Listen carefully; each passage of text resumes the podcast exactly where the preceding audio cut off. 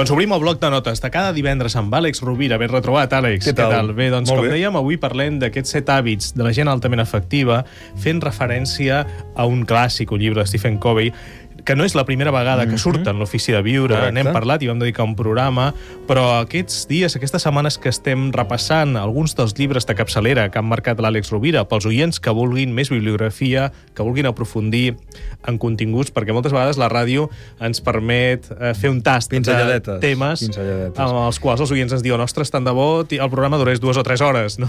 Doncs bé, convidem a llegir aquest llibre, Sí. per exemple. Per què? A veure, en aquest cas, el llibre de, de Stephen Covey és, va esdevenir un, un llibre de referència dins del món empresarial i també amb aplicacions a l'esfera d'allò que és personal, perquè la frontera de vegades és molt s'esvaeix molt.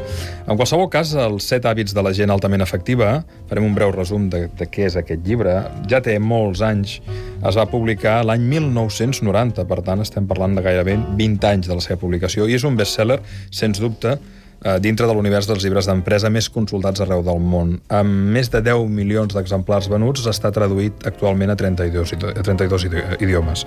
Aleshores, què fan aquest llibre Covey? Resumeix, a partir d'una observació empírica, allò que diu els hàbits que, que val la pena treballar tant en lo professional com en lo personal.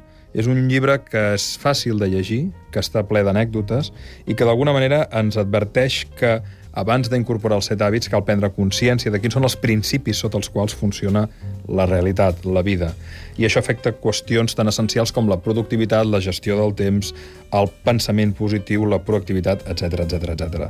Stephen Covey va néixer l'any 1932, va estudiar a les universitats de Utah i de Harvard i aleshores s'ha dedicat a la docència universitària i a banda d'això és un conferenciant internacional que ve sovint per Barcelona eh, a donar alguna xerrada i que val molt la pena anar-lo a escoltar. Uh, aquest llibre, bàsicament, va estar motivat per un pensament de Viktor Frankl. Fixa't que ell mateix ho reconeix. Va llegir... Uh, un dia estava passejant per una biblioteca d'una universitat de Hawaii i li va caure l'home en busca del sentit a les mans. I se li va obrir per una plana on va trobar la següent frase. Hi ha un espai entre qualsevol estímul i la seva resposta. I la clau del nostre creixement rau en com utilitzem aquest espai de consciència. A partir d'aquí s'articulen les idees principals del llibre que comentarem tot seguit.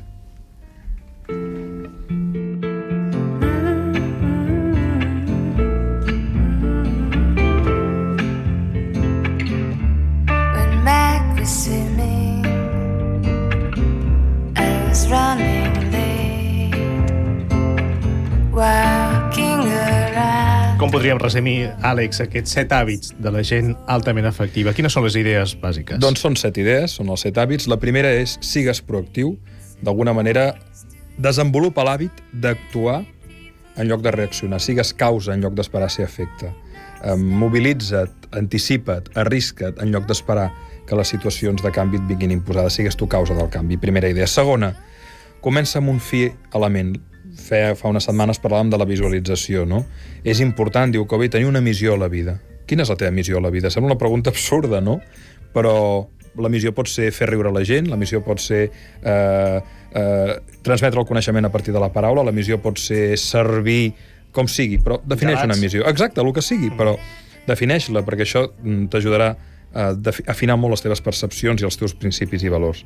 Tercera, posa primer allò que és primer, és a dir, estableix prioritats. Cal saber eh, si rebem quatre trucades al mòbil, quina és la primera que hem de respondre i quin és el temps que val la pena que li dediquem i que moltes vegades malbaratem eh, disfuncionalment el temps. Clar, això és un pensament molt, potser molt obsessiu, però aplicar algunes idees i matitzar-les ens pot ser útil, no? Quarta idea, pensa en guanyar, guanyar. El teu guany, el teu èxit, no depèn, no ha de dependre del fracàs d'altres. Covey diu, 1 més 1 sumen 11. Exacte, i parla de la sinergia, no? I diu que sense diferència no pot haver-hi sinergia. Posa com a valor fonamental, precisament, que les organitzacions fagin que els talents siguin ben diferents perquè d'aquí surt la creativitat, i és cert, la física ens ho demostra, no? amb les propietats emergents, etc. Primer, cinquè principi, perdó, busca primer comprendre i després ser comprès. No pot haver-hi influència sense empatia, diu Covey, i és cert. Vull dir, a partir de l'empatia eh, pots posar-te la pell de l'altre i el diàleg és molt més fàcil quan comprens i, per tant, pots transformar amb més facilitat les realitats. Sisè, practica la sinergia, com tu deies fa un moment. Sempre hi ha terceres alternatives, opcions creatives que no surten en un primer anàlisi. Uh, fa uns divendres també parlàvem de que els problemes no es poden arreglar amb el mateix nivell de consciència en el que són creats. Aquest seria el sisè principi, el sisè hàbit de Covey. I setè, esmola la serra, és a dir, per millorar la teva eficiència cal equilibrar les dimensions física, mental, espiritual i social de la nostra vida. Diu Covey que finalment si ets una persona addicta al treball i obsessiva i no dediques a cuidar el cos, a tard o d'hora acabaràs patant i per tant tota aquesta eficiència se n'anirà a risc molt ràpidament. Eh, si ets una persona que potser cuides molt el teu físic però descuides la teva dimensió emocional, doncs et quedaràs més sol que la una i per tant et sentiràs infeliç.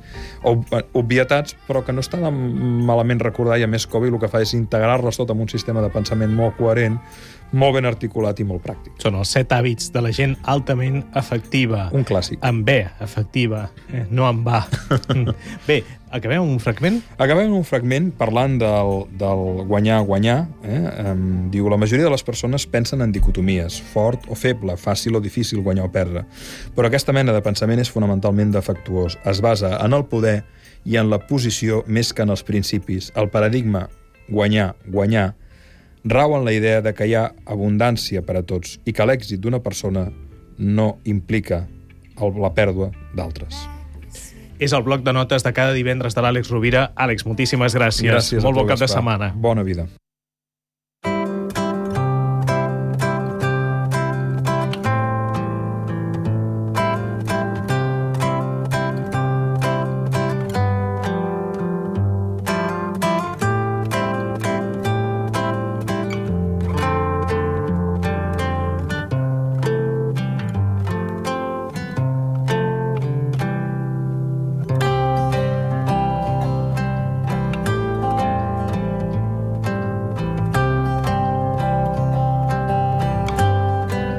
L'Ofici de Viure tornarà dilluns a les 8 amb el poder dels massatges.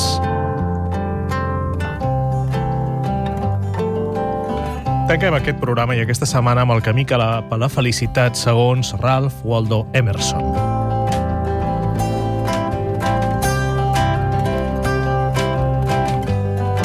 Sobre la saviesa. Al poeta i al savi totes les coses se li acosten amistosament i queden consagrades. Totes les vivències són útils. Tots els dies sagrats, tots els homes divins. Sobre l'èxit. La confiança en un mateix és el primer secret de l'èxit, va escriure Emerson. L'èxit eh, consisteix a aconseguir allò que es desitja, la felicitat a gaudir d'allò que s'obté.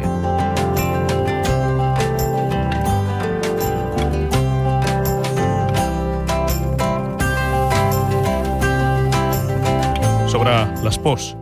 La por, va escriure Emerson, sempre sorgeix de la ignorància. I fent aquelles coses que tems fer, automàticament acabes amb el temor de fer aquelles coses.